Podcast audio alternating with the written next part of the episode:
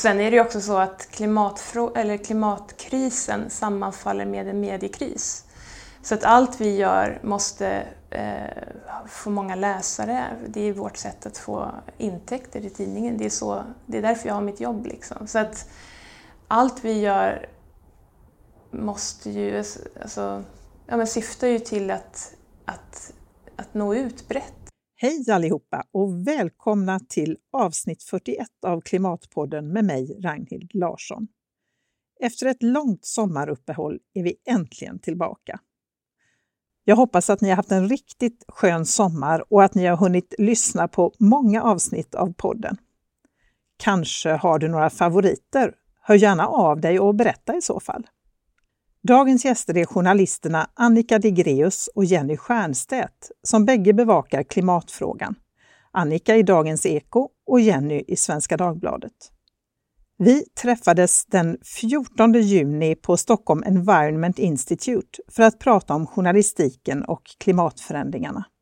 Hur kommer det sig att Annika och Jenny har valt att bevaka just klimatfrågan? Och vad är det som gör den så speciell att rapportera om? På vilket sätt skiljer den sig egentligen från andra områden? Och hur gör man för att nå ut med nyheterna? Ska man fokusera på hoten eller möjligheterna?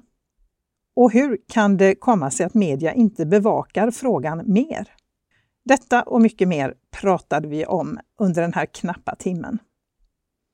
I dagarna är det förresten två år sedan det allra första avsnittet av Klimatpodden publicerades så jag vill verkligen passa på att tacka alla gäster och alla lyssnare för alla kloka och inspirerande samtal och synpunkter och stöd och tips. Ja, utan er hade det ju inte blivit någon podd. Och vill ni fira tvåårsdagen med mig så får ni väldigt gärna recensera Klimatpodden i iTunes och dela den i era nätverk så att den når ut till ännu fler. På hemsidan klimatpodden.se så står det exakt hur du gör när du recenserar.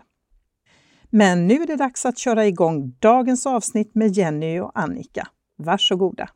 Välkomna till Klimatpodden, Jenny Stiernstedt och Annika Digreus. Tackar! Tack. Eh, ni kan väl börja med att presentera er själva? Ja, Annika Digreus heter jag alltså. Jag jobbar på Ekot som miljöreporter. Väldigt mycket av min tid har gått åt att bevaka klimatfrågan de senaste åren och det är kanske inte så konstigt eftersom vi har varit i den tid vi varit med Parisavtalet och så. Mm. Och Jenny, vem är du? Jenny Stiernstedt heter jag. Jag är eh, reporter på Svenska Dagbladet och bevakar politik på halvtid och klimat på halvtid. Eh, och det är klimatfrågan som jag brinner mest för kan jag väl säga. Och det är ju spännande, en spännande, man kan jämföra där också så det kan vi återkomma till vad som är skillnaden. Så att Absolut. Säga, och... Mm. Jag tänkte faktiskt börja med att fråga er om ni har klimatångest? En väldigt privat fråga, men, eller man ska säga personlig fråga som vi kanske inte så ofta berättar om i era rapporteringar. Men... Till och från. Det är klart att man kan känna en väldig oro ibland. För det är, ju, det är ju otroligt stora frågor som vi pratar om. Det skulle vara konstigt om man rapporterar om dem nästan dagligen, eller väldigt mycket i alla fall, och inte tar till sig det som kan hända. Eh, alltså det, tänker man några decennier framåt så kommer världen antagligen se väldigt annorlunda ut. Men sen orkar man inte gå omkring och vara orolig dagen i ända. Eh, så det, det är ja, upp och ner. Mm. Jag skulle inte vilja säga ångest. Det är klart att jag på något vis tänker ibland att jag kanske ser vidden av den här frågan på ett sätt som inte alla kollegor möjligen gör som inte har förmånen ändå att få gå in i frågan. Men eh, ångest, snarare det är någon slags energi att faktiskt eh, försöka beskriva mm. vad det handlar om. Eh, det är inte så att jag drar kudden över huvudet, nej skulle jag inte säga. Det är snarare en drivkraft ja, då, att så. faktiskt berätta om ja, det. håller jag med om. Ja. Men där har vi en fördel i våra yrken också. Ja, just det, man kan göra någonting av sin oro. Man kan förvalta kan det. Ja. Ja. Det kanske är en slags kristerapi på sitt sätt. Ja, det. ja, det kan vi säga för mig med, med min podd. Och det är därför jag också på något sätt söker upp människor som jag faktiskt tycker gör något också. Att bli lite för tungt liksom. Bara skulle fokusera på eländet.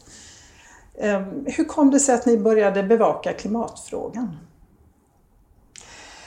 Eh, det var väl i vad ska jag säga, en konsekvens av att jag höll på med miljöfrågor. Eh, men min bevakning av miljöfrågan började på sätt och vis med klimat. Ekot hade ju haft en miljöreporter under många år, Ingrid Gustafsson, som hade täckt klimatmöten och klimatfrågan mm. tidigare. Hon efterträddes av Malin Olofsson som sen slutade på Ekot och då i den vevan så kom jag in på på miljöjournalistiken. Och första frågan nästan jag fick var om jag kunde tänka mig att åka till ett av FNs klimatmöten för att bevaka just det. Och i och med det så vart jag ju tvungen att sätta mig in i just klimatfrågan mer specifikt. Annars har miljöfrågor generellt, vatten, luftfrågor och så vidare har varit med mig sedan länge av purt intresse. Mm. Men det var så det började med klimatet kan man säga. Mm. Jag har alltid känt ett eh, engagemang för den här typen av frågor ända sedan jag var barn. Eh, men sen var det när jag kom till Svenska Dagbladet så fick jag chansen att, att följa frågan på närmare håll. Och jag var på mitt första klimatmöte i Doha 2012, där Annika också var. Vi slet tillsammans, vi var inte så många svenska journalister där. Vilket år var det? 2012. Mm. Eh, och efter det så var jag helt biten, då gick det liksom inte att släppa. Vad var det som gjorde att du inte kunde släppa det här då? Oh, bra fråga. Eh, det, är ju, det är ju en sån himla häftig fråga och det, det var väl någon energi som du pratade om Annika, som, som fanns där liksom. Och, eh, klimatfrågan täcker in så himla mycket. Det är, det är politik, det är naturvetenskap, det är globalt, det är lokalt och det handlar till syvende och sist om hur vi vill leva våra liv. Så det, det engagerar. Mm, det är sant. Mm. Och det är också lite så att när man väl har fått upp ögonen för den tycker jag så det är väldigt svårt att backa. Det går ju inte liksom att låtsas som att man inte vet nej. om det. Nej. nej. um, kommer ni ihåg när ni första gången insåg alltså klimathotet, allvaret i, eh, i klimatförändringarna? Gud, svår fråga. Ja, eller hur? När det sjunker in på djupet menar du? Ja, alltså jag antar att det kanske inte är ett ögonblick, det Nej. kommer väl kanske gradvis. Men... Ja, det gör det ju. Och egentligen räcker det att läsa, alltså öppna vilken tidning som helst för att förstå. Jag menar, där kring, när Al Gore släppte sin film och eh, klimatmötet i Köpenhamn, då var ju mediebevakningen väldigt, väldigt stor. Så då tror jag att det kanske eh, skedde ett, jag vet inte om uppvaknande är rätt ord, men en, all, många, många fler blev medvetna om det i alla fall, tror jag. På djupet. Men, eh, nej, men det, det sker nog successivt, tror jag, hur, hur man tar det till sig. Och i perioder. Mm, ja, jag skulle nog säga någonstans där inför Köpenhamnsmötet, för då var det lite mer skriverier, mer samtal kring klimatfrågan och det var mer som man kom in lite grann och fick närbilder på vad det var som var på väg att hända. Det, det, det kanske lät nerskruvat men jag, jag, vet, jag hörde någon av forskarna säga att ja, vid två graders höjning av jordens medeltemperatur, då händer det saker. Och det låter ju som ingenting. Men när man någonstans liksom gluttade in i den där gluggen och förstod att de där sakerna, när, när systemen börjar skena på ett sätt som gör att man inte riktigt vet vart det tar vägen, och det där får man ju mer och mer närbild på efterhand. Så, så, som du säger, dels så var det då att man vaknade upp lite grann och dels så är det så att undan för undan så går det upp för en att det, att det är stora grejer på gång. Mm. Utan att jag är för exakt just nu märker jag själv. Men, ja, nej, men, jag förstår. Vad, vad skulle ni säga, vad är det som gör klimatfrågan speciell då att rapportera om?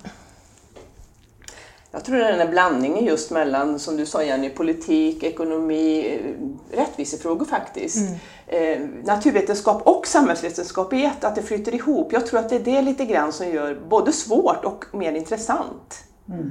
Skulle jag säga. Och sen är det det här som man alltid brukar prata om, att den är ständigt pågående. Vilket gör att, eller det finns ju egentligen nyhetskrokar hela tiden eh, om man bara väljer att lyfta upp dem. Men ibland kan medielogiken vara otroligt sträng. Speciellt kanske i riksmedia. Det ska hända någonting på dagen eller det ska satsas ett nytt rekord. Eh, och det sätts ju vansinnigt många nya rekord men uh, menar, den här våren har det varit många månader tror jag som har varit näst varmaste någonsin. Mm. Utan att det har blivit särskilt mycket skriverier om det. Uh, så att, den är så, sen är det ju liksom, människor vill gärna stoppa huvudet i sanden också. både vi journalister och läsarna, vilket gör att det, det är svårt att få upp den på agendan. För att det är lite jobbigt helt enkelt Ja. att läsa om allt man kanske måste sluta göra. Ja. Typ flyga och så. Precis. Jag tror det svåra är just det du sa, att det är lite sakta pågående hela tiden.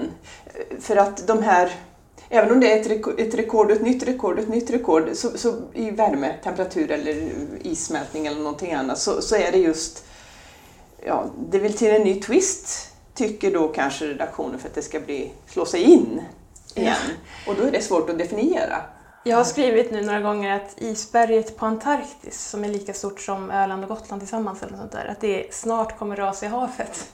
Men nu senast jag skulle skriva så, Så låg det så fick, ja, då hade jag skrivit nu rasar det snart lite för många gånger så att då fick jag inte köra den vinkeln igen. Vad, vad krävs det för att ni ska få genomslag? För jag menar, ni styr ju inte över detta helt själva. Liksom att nu ska detta upp på ettan eller nu ska det vara första nyhet på Ekot. Utan alltså, vad krävs för att det ska bli liksom, hamna högt upp?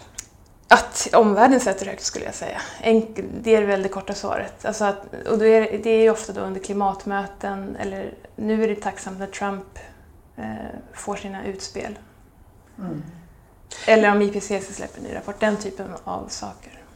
Ja, när det händer någonting i omvärlden så gör det att, att redaktionen känner igen kontexten. Som en president i USA som säger nu lämnar vi det här avtalet. Även om han då tidigare redan har gett uttryck för att han kommer inte att göra ett dugg för att infria det så, så är det just det här beskedet som gör att det kommer i fokus igen. Vad, har- vad har Trump betytt för? Han har ju skapat konflikt i klimatfrågan på ett sätt som, eller det, det finns ju där tycker jag eh, alltid, men eh, den har blivit väldigt, väldigt tydlig och, och lättbegriplig. Och i början med Trump så var det till och med, vilket är väldigt sorgligt, men då handlade det om ifall klimatförändringarna är på riktigt eller inte. Ja. Eh, Men det ökade ju bevakningen något dramatiskt. Alltså. Så det har varit bra då egentligen? Vi får väl se var det landar, men det är ju en fördel i alla fall. Alltså det, det är otroligt hemskt, allt det som sker.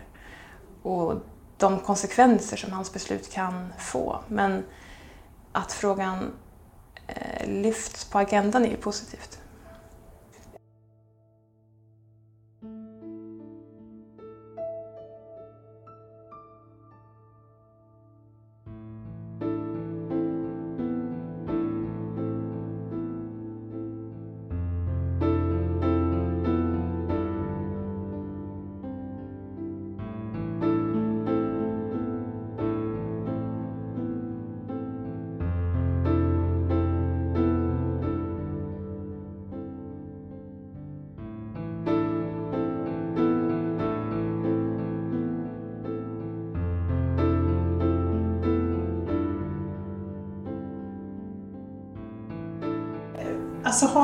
Gör man då för att berätta om klimatfrågan för att nå ut? Har ni några knep där? Alltså för att då gå igenom det här bruset och komma runt den här nyhetslogiken som kanske inte alltid då funkar för... Det är väl det här att försöka hitta det konkreta Ja. i det stora. Nyligen var ju FNs havskonferens i New York och eh, då var ju klimatpåverkan på havet en delfråga och då fanns det ju en möjlighet att prata lite grann mer om det här med att havet försuras, att havet tar upp värme i en otrolig omfattning som gör att det kan slå tillbaks också när det inte längre klarar av det.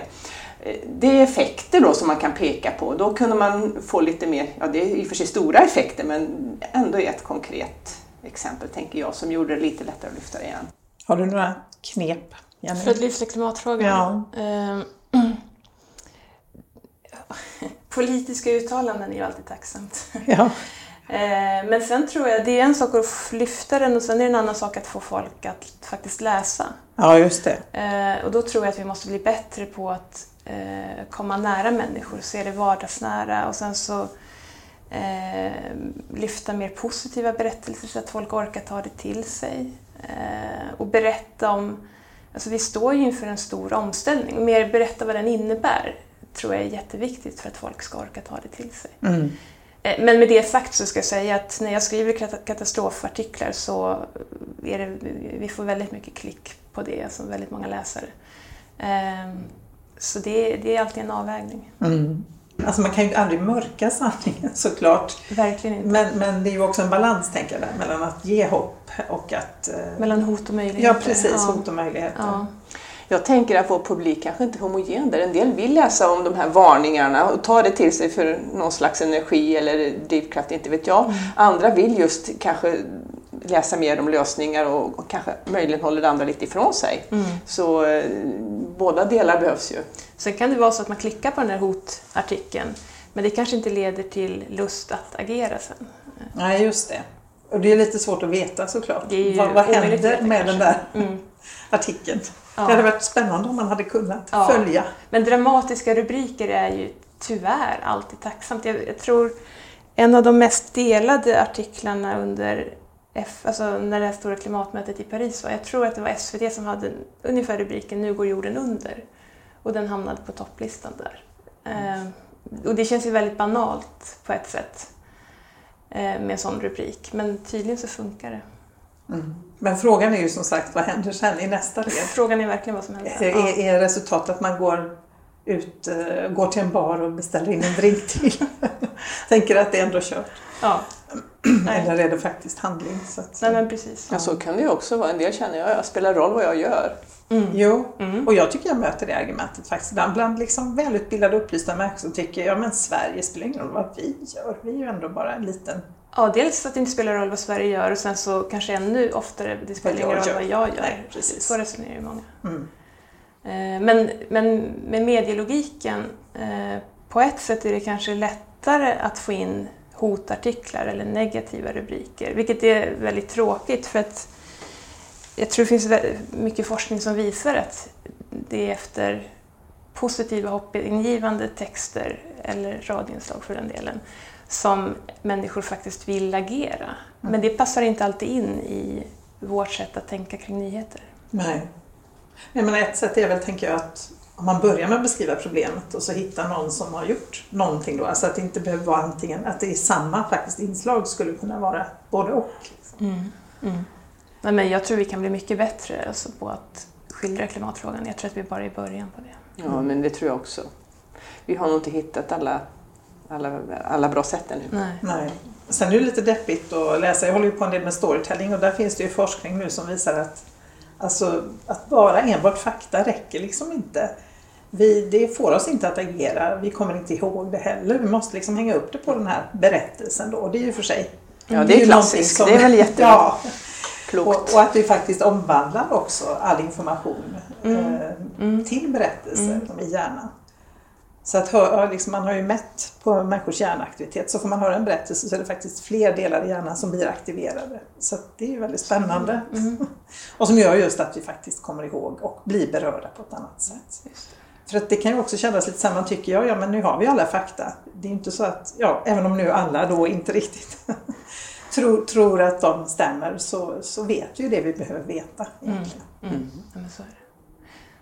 Sen tänker jag, jag tror, men nu är det, på din redaktion är det mest du som rapporterar om klimatfrågan Mm. och miljöfrågor. Mest. Men det har ju också Klotet som är Vetenskapsradions program som ju följer Precis, klimat- men det är också ett renodlat klimat ja, och miljöprogram. miljöprogram. Ja, och jag kanske är den som skriver mest på min redaktion.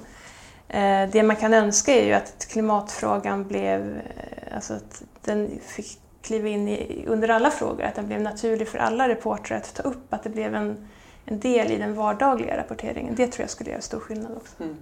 Det tror jag också, jag håller med. För det, det räcker ju inte att det är en, enstaka reportrar som håller på med det, utan det är just det här om det är en samhällsomställning som vi står inför, vilket ju de talar om då som, som följer och som jobbar med det här. Då, då krävs det ju verkligen att alla områden, alla Mm. ämnesområden, alla ämnesreportrar, politiska reportrar är insatta eller tar med sig. Vi hade ju en Granska. jättestor satsning på näringslivssidorna som var otroligt uppskattad. Eh, Och den typen av journalistik tror jag att vi borde, eh, behöver se mer av. Mm. Hur är intresset då? Hur är intresset bland era kollegor för de här frågorna? Jag tycker att det är lite blandat. En del har väl ett personligt intresse av det. Eh, andra tycker andra frågor är mer intressanta. Eh, jag, jag tycker mig märka ett gryende intresse just på ekonomiredaktionen nu för det här. Och ehm, ja, Är det en generationsfråga? skulle jag inte säga. Nej. Nej, det handlar nog mer om eh, ja, vad, vi, vad vi tycker är intressant. Och det är inte bara det som ska styra rapportering naturligtvis, men, men det bidrar ju till, till det. Jag tycker jag märker att det kommer folk från fler och fler håll ändå och vill prata om det här, alltså även på redaktionen och det är ju jätteroligt. Alltså. Så jag, jag hoppas att det jag ser är ett ökat intresse. Ja. Hur är det med statusen då? Det hänger ju förstås ihop då såklart. Men jag tänker, har man hög status som klimatreporter skulle ni säga? Jämfört med, jag vet inte vad, ekonomi?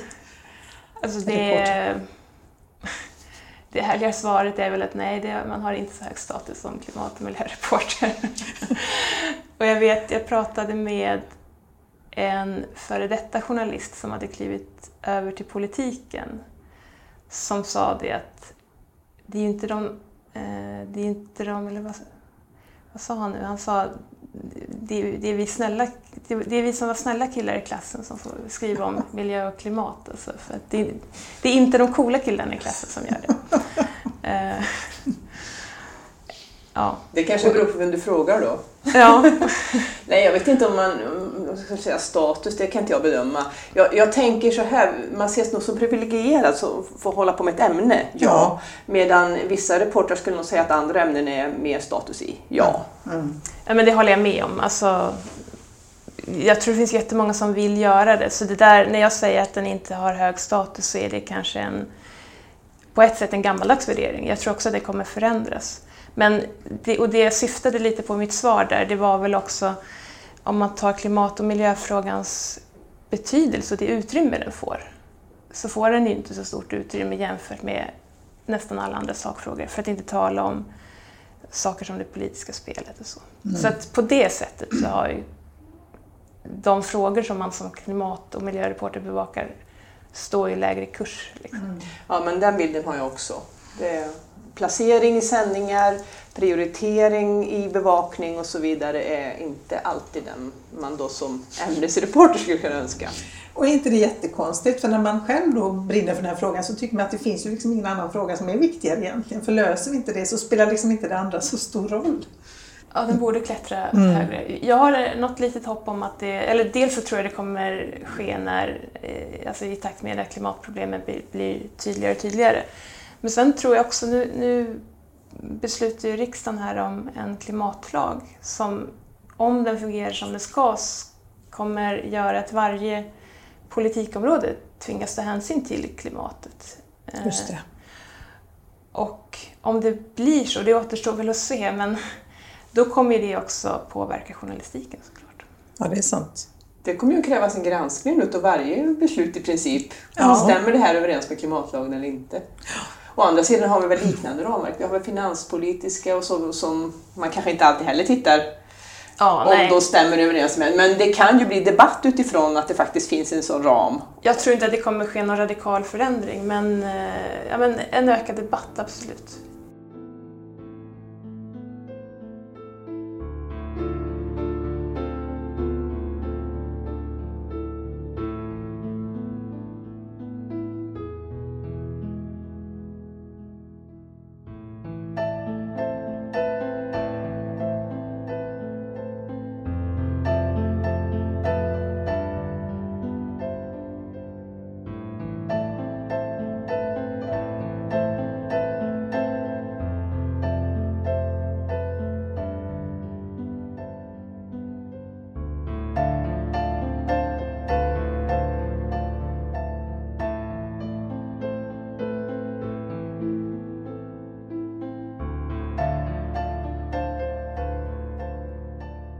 För jag menar, Svenskan är ju en tidning ändå som har, alltså man säger ju sig att det är liksom något man vill satsa på så är det klimatfrågan. Det kan man ju mm, läsa mm. som läsare då. Mm. Nej men det är ett av våra prioriterade ämnen. Ja. Mm. Och hur märks det? Alltså hur, hur ser fördelningen rent faktiskt ut då? Du menar? Ja, alltså hur många, det är du som är klimatreporter, ja, det är inte en redaktion liksom. Nej, det är jag som är klimatreporter och sen har vi haft eh, ett par reportrar på näringsliv som har bevakat frågan utifrån det perspektivet. Um, och sen, men, ja, vi, vi, gjorde den där, vi gjorde en stor satsning under hösten 2015 inför Parismötet. Och sen har det rullat på, om, om än inte i lika stor omfattning. Mm. Va, om, du, om du Jenny som både skriver om politik och klimat skulle jämföra de här eh, områdena, vad är det som skiljer dem åt? Eller vad är det som... Oh, men det, är ju, det är ju jättesvårt. Alltså, egentligen är ju klimat ett av flera politikområden. Men det som är skönt med att bevaka klimatfrågan, förutom att det är vansinnigt intressant, det är att man faktiskt får fokusera på ett politikområde och fördjupa sig och bli bättre och bättre inom det, vilket ju leder till bättre journalistik såklart. När man bevakar, eh, när man, som politikreporter blir det stort fokus på det politiska spelet. Mm. Eh, speciellt den här mandatperioden har ju varit, ja, det har ju, ja, det har ju det har varit otroligt mycket om det politiska spelet eftersom det har varit en väldigt rörig situation och ingen vet egentligen vad som händer inför nästa val, hur det, hur det kommer att se ut. Ehm, så det är väl den stora skillnaden. Mm.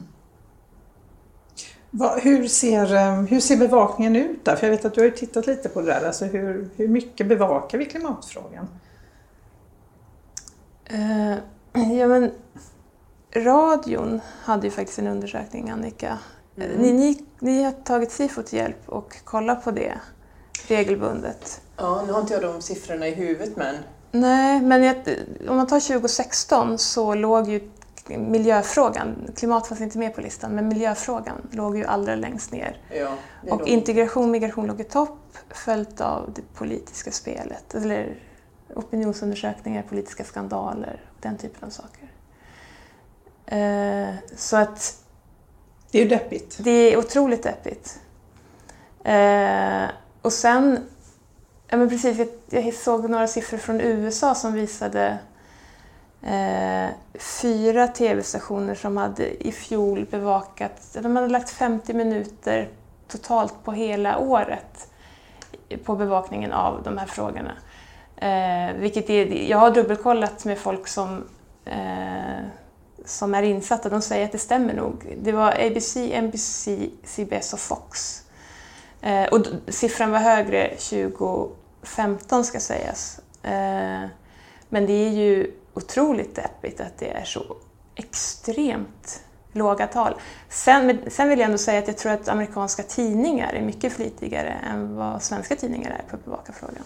Okay. Så jag tror att det är en skillnad mellan tv och tidningar. Men men i många sammanhang så ligger klimatfrågan väldigt lågt. Alltså. Vad beror det på?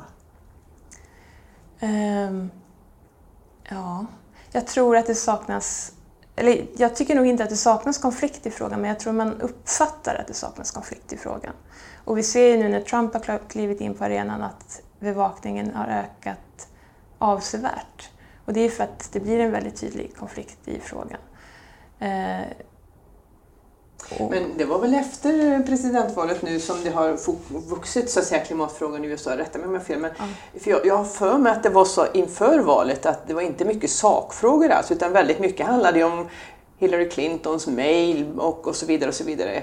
Och Twitter. Det, det var en, en valkampanj som inte gick in på sakfrågor överhuvudtaget och än mindre på klimat. Nej men så, så var det. kollar man på de här amerikanska tv-kanalerna som jag pratade om så tror jag att de rapporterade fem gånger mer efter valet än före valet. Så att den här siffran på 50 minuter hade varit ännu lägre om det inte hade varit för att Trump faktiskt vann valet. Så att, eh, bortsett från allt annat man kan säga om Trump så har han kanske gynnat just det då? Alltså att bevakningen faktiskt har Ja, att det har blivit mer bevakning av frågan? Ja. Kanske av fel orsaker? Men... Av, av fel, verkligen av fel orsaker. Det är ju jättetråkigt att vi ska behöva försvara att klimatförändringarna ens är på riktigt. Mm. Eh, och där verkar det som att han har ändrat sig nu, eh, i alla fall utåt sett. Men, eh, men ja, eh, det är, på ett sätt är det ändå bra att det leder till ökad debatt. Men mycket av den bevakningen handlar ju just om hur det, han går tillväga för att riva ner miljöpolitiken och klimatpolitiken mm. i USA. Och det är klart att det får ett fokus på frågan men som sagt det, det är, är ju, konstruktivt. det är inte så konstruktivt kanske i det här läget. Nej. När alla har pratat så länge om att det är nu man måste sätta fart åt precis motsatt riktning som nu USA gör. Det var det minsta vi behövde. Det var det minsta vi behövde, mm. ja. Men även, jag menar nu pratar vi mycket om USA, men även här i Sverige så får ju inte frågan eh, alltid då det här genomslaget man hade önskat. Själv blir jag ju jätteförvånad när vi har en partiledardebatt i Agenda och frågan inte ens... Nu var det ju några som försökte ta upp frågan ändå, politikerna själva, men vad är förklaring till att man inte tar upp frågan? Tycker inte journalisterna själva då, redaktionen på Agenda helt enkelt, att det är en viktig fråga? Nu är inte de här och kan svara själva, men... Nej, men eh, vi har haft något resonemang på redaktionen inför valet och SOM-institutet har ju gjort någon undersökning vilka anser väljarna vara de viktigaste frågorna. Och då är ju miljö och klimat tror jag lite längre ner på den skalan. Jag tror det var vård, omsorg, invandring, integration. Den typen av frågor låg högre upp. Och då tar ju de politiska reportrarna det till grund för sina val utav frågor de vill fokusera på. Samtidigt då som den här SOM-institutet har ställt en annan fråga, vilka frågor som oroar människor mest. Där kommer då klimatfrågan väldigt högt. Jag är inte riktigt säker på hur SOM-institutet har skilt det ena från det nej, andra. Nej, det, det, det är intressant och jag är lite osäker själv där hur man ska se på att det är så stor skillnad. Ja, men, och det borde ju vara, tycker man, eh, alltså de borde ju stämma överens på något vis. Det rimligen. man är orolig för borde man också tycka är viktigt. Ja, rimligen. Ja, rimligen. Mm. Och eh, jag vet inte heller riktigt varför inte de här orosfrågorna kan motivera eh, politiska reportrar till att jobba mer utifrån det. Och att man helt enkelt tar det på allvar, den här oron, och utgår från det i sin bevakning. Mm. Jag talar nu om kollegor som inte är här och kan försvara Nej, sig, så det är väl i och för sig... Vi får fråga ja. dem, helt enkelt. Men är det inte också att eh, för de allra flesta, eller det är, det är lätt när man själv jobbar med det dagligen att tycka att det är den viktigaste frågan av dem alla. Eh, men jag menar på redaktionen och i den politiska debatten så är det ju fortfarande bara en av många sakfrågor och varför ska just klimatfrågan lyftas högt då? Alltså, Mm. Vi tycker såklart det, mm. men vi lever ja, vi är partiska. Ja, vi är väldigt partiska. På det sättet. Att vi vill... Uh, jag tror inte att det riktigt har slagit igenom att det är en fråga som faktiskt påverkar i princip alla andra frågor. Det är det som krävs helt enkelt, att den medvetenheten Kanske. då blir Kanske. högre om det. För det är väl lite så här, vi sitter här och lever i vår lilla bubbla och tycker att ja, men det är väl klart att det här är viktigast. Mm. Och det är lite svårt att kliva utanför den bubblan ju ja. och se det på ett annat sätt. Ja. Mm. Och sen är det ju också så att eller klimatkrisen sammanfaller med en mediekris. Så att allt vi gör måste eh, få många läsare. Det är vårt sätt att få intäkter i tidningen. Det är, så, det är därför jag har mitt jobb. Liksom. Så att allt vi gör måste ju, alltså, ja, men syftar ju till att, att, att nå ut brett. Liksom. Och då, det komplicerar ju saker också faktiskt. Mm. Hade vi haft obegränsade resurser så är jag helt övertygad om att vi hade bevakat den här frågan otroligt mycket mer. Mm. Jag menar, det finns ju ett intresse men sen finns det också en vardag som tyvärr styr.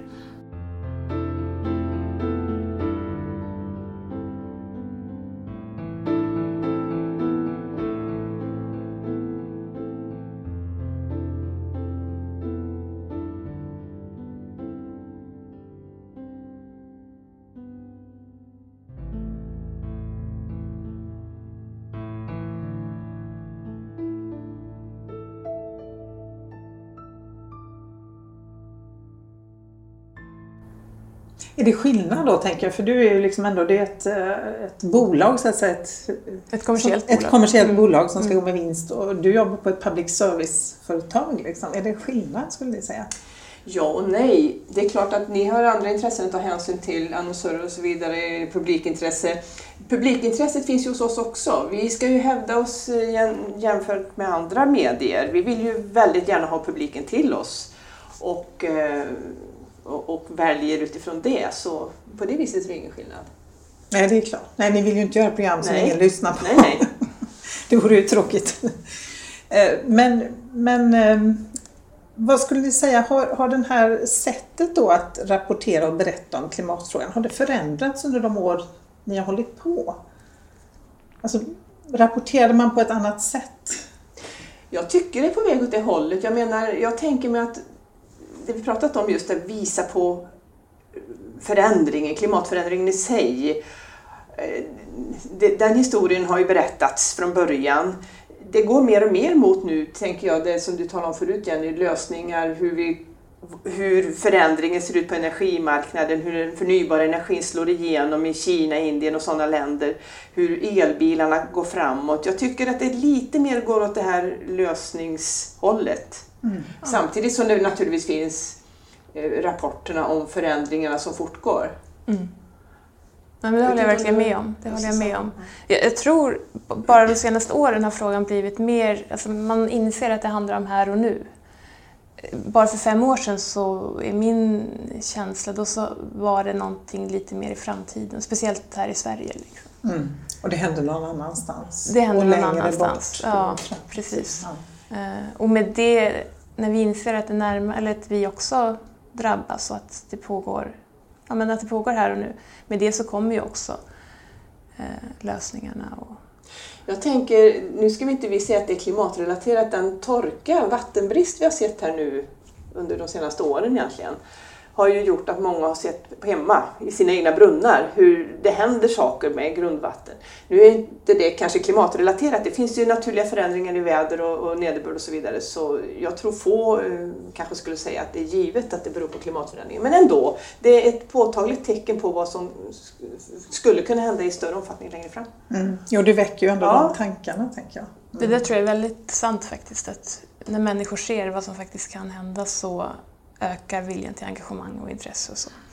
Men det är också väldigt sorgligt att det ska krävas för det är ju inte så att vi inte är medvetna om vad som kommer och vad, vad som faktiskt pågår i andra delar av världen. Och, och jag menar, det där är ju någonting som vi glömmer otroligt mycket. Alltså, hur mycket skriver vi om Afrika till exempel? Alltså, vi borde skriva så väldigt, väldigt, väldigt mycket mer med tanke på vad som händer och hur utsatta de är. Men vi har fokus på oss själva och vi har fokus på Trump kanske. Mm. Och sen, han tar väldigt mycket plats. Han tar otroligt mycket plats. Mm. Ja, Afrika, torrkatastrofen som är där nu, mm. som är största på väldigt lång tid, som egentligen inte får alls det utrymme den förtjänar. Nej. Nej, och jag menar man tänker på flyktingkris och sånt där, jag menar det har vi ju varit har ju fått väldigt mycket uppmärksamhet då kan man säga medialt och så. Jag menar, fortsätter vi så, så lär vi ju få väldigt många klimatflyktingar. Mm. Och som kanske aldrig kan flytta tillbaka. Liksom. Mm. Så att det, allt hänger ihop. Världen är ju inte, det är väldigt svårt att stänga ute resten av världen. Allting hänger verkligen ihop men det glömmer vi ofta. Vi har ju ett väldigt kortsiktigt perspektiv på saker och ting. Mm. Tycker ni apropå det att ni får utrymme, att det finns utrymme för att beskriva de här stora skeendena då? Alltså det här liksom lite mer övergripande, analyserande. Jag tycker jag tenderar att hamna jag tycker jag har en tendens att hamna i de där stora skedena lite för lätt egentligen. Och det, jag, jag, jag kan tänka när jag hör dig Jenny att jag, jag borde nog försöka konkretisera det lite mer. Eh, jag känner igen den problematiken. Ja. Nej, men, eh, forskarrapporten är ofta skrivna på den nivån ja, och då hamnar sant. man lite grann i den kontexten. Men, men till att bryta ner det där och göra det där till eh, någonting som man kan se framför näsan, det är, det är lite svårt. Ja. ja, det är en utmaning, men jag tror att vi kommer bli bättre och bättre på det. Hoppas det. Ja. jo, för det krävs ju både och på något vis. Absolut. Hur får ni mycket läsarrespons på det ni skriver när det gäller klimatet? Ja, faktiskt. Väldigt mycket. Det är, och det är jättefint. Det är, och väldigt många som vill att vi ska göra mycket mer. Och väldigt många som är väldigt oroliga väldigt många som tycker också att faktiskt att media inte tar sitt ansvar. Mm. Och vad är det någon speciell typ av eh, så säga, saker du skriver om som du märker att du får mer respons på eller är det överlag? Det är nog när man skriver sådana här lite mer kommenterande texter. Det verkar folk gilla. Mm. Där du är lite mer personlig då också? Ja, personlig vet Eller jag inte. Eller inte personlig, men där du, eh, jo, men du tycker någonting. Så att ja. Mm. Men det där är ju väldigt svårt som journalist, för man ska ju vara oberoende. Ja. Samtidigt som jag har landat i att jag måste få ta ställning för att klimatförändringarna pågår. Liksom. Men mm. eh, det, alltså, klimatfrågan ligger ju olika högt Eh, hos de olika politiska partierna. Och det, ja, det är inte helt givet hur man ska agera där alla gånger. Nej. När du säger just det här med sin opartiskhet eller oberoende så tänker jag att det måste man ju kunna vara utifrån att så stor del av forskarvärlden faktiskt har stöd för eh, klimatförändringarna. Så, så är det mindre problematiskt nu än kanske tidigare att säga att ja men det här är fakta, det, så här ligger det till och med grund i det så, mm. så, så väljer vi att skriva så som vi gör, mm. eller berätta så som vi gör. Nej, men jag har landat i så länge man kan peka på forskningen, och det har också min redaktion gjort, då är det okej okay att tycka i, i den här frågan. Mm. Um. Och sen är ju ni, jag menar liksom många andra medier nu med, på fake news och allt det här, så är man ganska noga med att också skriva, ja det här är vad det är för typ av så att säga, text man läser. Om det är en nyhetsartikel eller om det är en kommenterande text. Så mm. så att som läsare blir man ju mm. Men det vore ju också konstigt om, alltså jag vet det finns forskning som visar på journalistiken i Bangladesh till exempel, hur den är mycket mer opinionsdrivande. Och då menar de här forskarna, alltså de försöker pusha, journalisterna försöker pusha politiker och näringsliv framför sig till mer handling. Och enligt de här forskarna så beror det då på att hela landet är mycket mer utsatt. Alltså, om, om det är någonstans klimatförändringarna är nära så är det där. Mm. Och det påverkar också journalistiken. Um, och det är ju väldigt intressant uh, att det är så tycker jag. Tror du att det kommer att hända här? Uh, bra fråga. um, jag tror generellt sett att ju närmare det kommer desto mer kommer vi att skriva. Um, nej, alltså, ja. ja. Nej, jag tänker det är väl som med de frågor som uppfattas som eh, dramatiska, hotfulla eller som, att, att de kan leda till snabba förändringar. Då, då driver det fram en bevakning också som jag vet inte vad man ska jämföra med riktigt men när det har varit saker som brottslighet eller annat som uppfattas som att det är ett behov av att politiker ska agera, då tenderar väl journalistiken lite grann att ta det som givet också. Mm. Sen finns det naturligtvis en granskning utav hur de går tillväga. Men eh, jag tänker att det kanske inte är så konstigt. Nej. Hur, eh, alltså hur ofta tänker jag, hur vanligt är det att ni, eh, ja du kanske då som är politikreporter, jag vet inte hur ofta du gör det Annika, men alltså att ni ställer journalisterna mot väggen, eller journalisterna, politikerna mot väggen. Alltså vad gör ni i klimatfrågan? Agerar ni? Alltså just apropå det här att eh, pusha framför sig liksom. Eh, nej men det gör man ju såklart. Mm. Eh, men det är ju lättare att prata klimat med de politiker som själva vill lyfta frågan, ja, tyvärr. Ja. Um, och gör man en bredare intervju så blir det bara en av många frågor. Mm. Um, och jag menar, det är också, det är också så här... Uh, gör man en bredare intervju så ska den intervjun... Man ska hitta en vinkel uh, och det, man har ett visst antal tecken. Det blir väldigt begränsat. Så att, det är ofta man har ställt de där frågorna men de får inte plats. Det försvinner eh, i arbetsprocessen. Liksom. Mm. Jag delar den bilden. Det är ju så att de politiker som gärna talar om miljö och klimat eh, de lyfter ju själva det. Och jag kan nog vara självkritisk och säga att jag borde prata med fler andra som inte vill prata om det i betydligt större omfattning. Så att, eh, så att man granskar helt enkelt. Det är vårt jobb, precis, det är det vi ska det, göra. Precis, det vi ska ju inte vara megafoner på det viset. Nej, utan vi måste ju de som vill lyfta frågan. Ja, ja, nej, vi måste egentligen fokusera mer på, på de andra. Ja, kan ja. jag tänka. Ja, för det är onekligen lite spännande att höra vad de har att säga. Som kanske inte då är så mm. insatta heller. Mm. Um, hur stora möjligheter tycker ni att ni har att påverka då när det gäller eh, er roll som journalister, alltså när det gäller klimatfrågan, att, att, att, så att samhället går i en mer hållbar riktning. Hur stor makt har ni? Oj. Tycker ni? Tror ni? Man upplever ju att man inte har någon makt eller inget inflytande alls. Eh, men sen märker man ju också att det är många som vill att man ska skriva om olika saker. Många som lobbar mot den helt enkelt. Eh, och det är, väl, det är väl egentligen enda gången som man känner väldigt konkret att okej. Okay, det har en viss betydelse. Det, det har, ja, precis. Mm. Men det är väldigt svårt att, nej, det, det händer ju i princip aldrig att någonting förändra så att man skrivit en artikel. Liksom.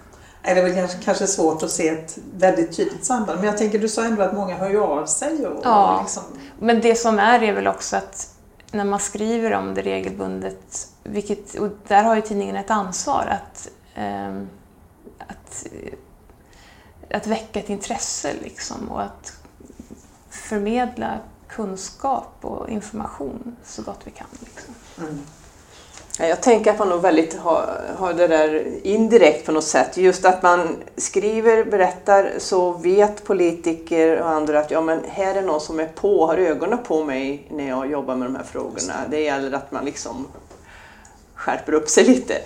Det är möjligen det, snarare än att man faktiskt förändrar någonting i sak med sin rapportering. Mm. Men jag uppfattar samma sak som du, att många är på och föreslår saker, man får tips, man får inbjudningar inbjudningar, ingångar till att man ska bevaka det ena och den andra sidan av frågan. Så visst, det finns ju ett intresse och, och det uppfattas då säkert också som att, mm, att, eh, att man kanske har någon, någon slags inflytande då tänker jag. Mm.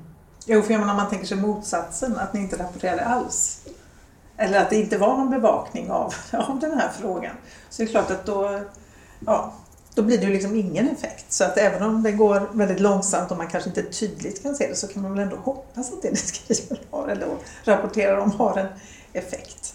Ja, och det påverkar ju människors världsbild tänker jag. Jag tänker på alla de här undersökningarna som eh, Ja, där man frågar folk vad de tror om framtiden och sådär. Och där många ser ju allting väldigt nattsvart oftast. Och det tänker jag att det hänger ihop med hur media skriver om olika saker. Och där, och där, där det bevisligen går då, jag menar för allt, bortsett från klimatfrågan brukar jag tänka, så är det ju väldigt många kurvor då som pekar i rätt riktning. Jag menar vi har mindre barna, mindre fattigdom och min- mindre spädbarnsdödlighet och allt det är. Sådär. Ja, men det håller jag med om. Jag tror det är väldigt lätt att underskatta sin egen roll också. Ja. Ehm, Det är klart att det spelar roll vad media gör, självklart. Mm. Precis som det spelar roll vad politiker och näringsliv gör. Alltså det är ett samspel och där är det också lätt att det blir en uppåt eller nedåtgående spiral. Liksom. Om inte vi bevakar så kanske politikern inte lyfter. Om inte politikern lyfter så Nej. bevakar inte vi. Ehm, ja. Så, det handlar, ja, just det. så vilket ansvar har ni då? Ligga i, Ja, hålla på. ja, hålla på. Ja. Göra vårt bästa. Mycket mer kan vi inte göra. Vad om ni hade oändligt med pengar och obegränsade resurser? Har ni något sånt där drömuppdrag? Något ni gärna skulle vilja göra då? Då skulle jag vilja åka ut till de där ställena där man faktiskt ser att det händer. För som sagt, det blir gärna lite abstrakt, det blir lite upp, övergripande när man utgår ifrån forskarrapporter och annat. Men att man tar fram de här människorna som sitter mitt i det. Det skulle jag göra. Ja, jag håller med. Det är en jättesvår fråga egentligen. Men eh, en sån sak är väl att skildra klimatflyktingarna. Alltså hur, vad som händer, vad som är att vänta. Ehm, Och även koppla det till, eh, till dagens flyktingsituation. såklart. Då hoppas jag att de som sitter och bestämmer om detta lyssnar och ger dem resurserna. Ja, det hoppas vi också. Ja. Bara instämma. Tack så jättemycket. Det var jättespännande att sitta här och prata med er om detta. Tack själv. Tack.